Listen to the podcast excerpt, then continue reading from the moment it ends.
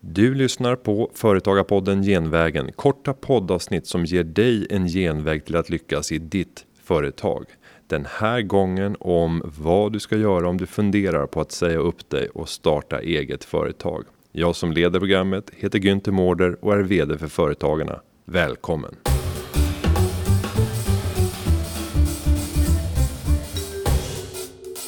Det är många som drömmer om att ta steget och bli företagare. Och ofta får jag frågor om vad man ska tänka på och vilka förberedelser som krävs. I det här avsnittet ska jag dela med mig av några av mina tips.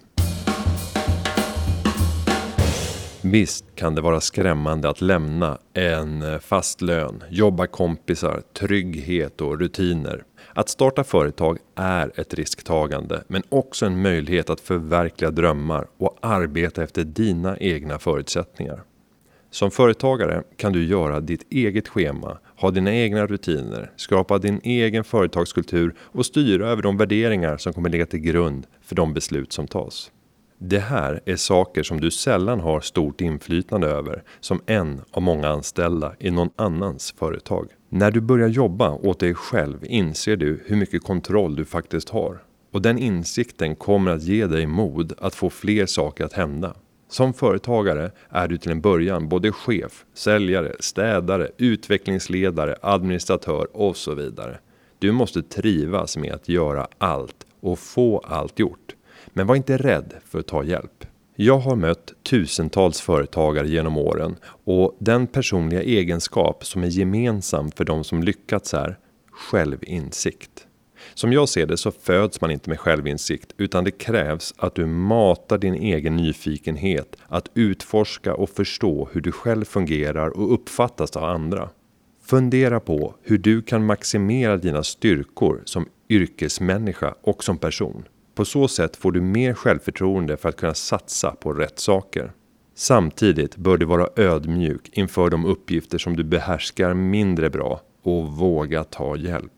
Planera din exit från din anställning noga. Spara ihop till ett startkapital och börja samtidigt att fila på din affärsidé. Det som kommer att avgöra din möjlighet att etablera dig som företagare är din förmåga att tjäna pengar.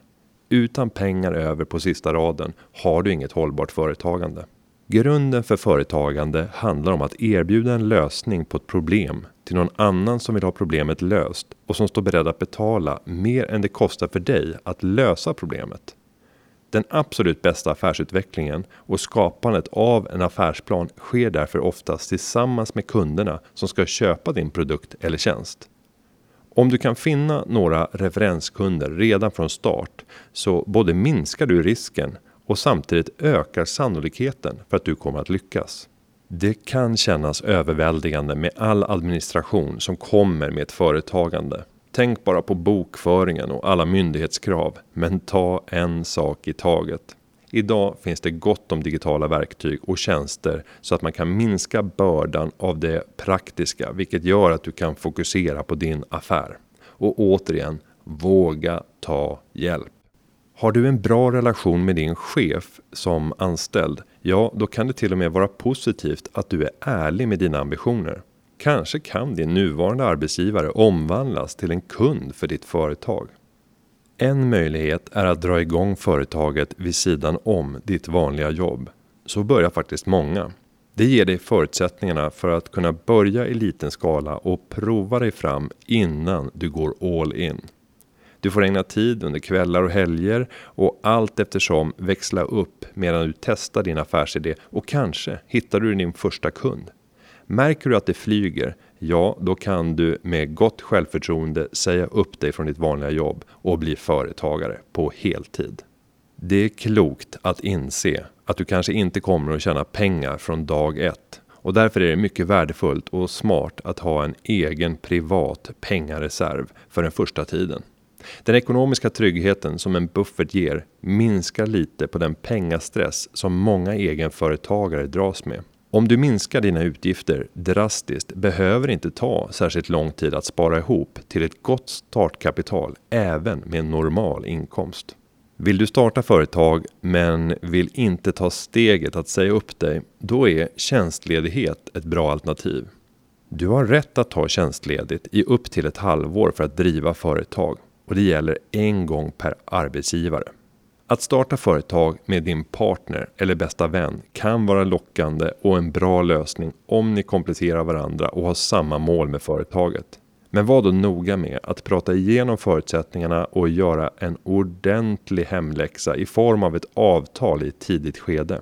Mina erfarenheter säger att det tyvärr inte är samma sak att vara goda vänner som att vara goda affärspartners. Hoppas att jag har inspirerat dig som ännu inte tagit steget till att bli företagare att tänka ett extra varv. Störst av allt är kärleken, därefter entreprenörskapet. På företagarna.se hittar du mängder med guider, poddar, intervjuer, reportage och avtalsmallar som hjälper dig framåt när du startar företag. Tack för att du har lyssnat och lycka till! Klippningen av det här avsnittet är gjort av Petra Cho och underlaget är skapat av David Hagen. Vi hörs igen nästa vecka. Ha det så gott!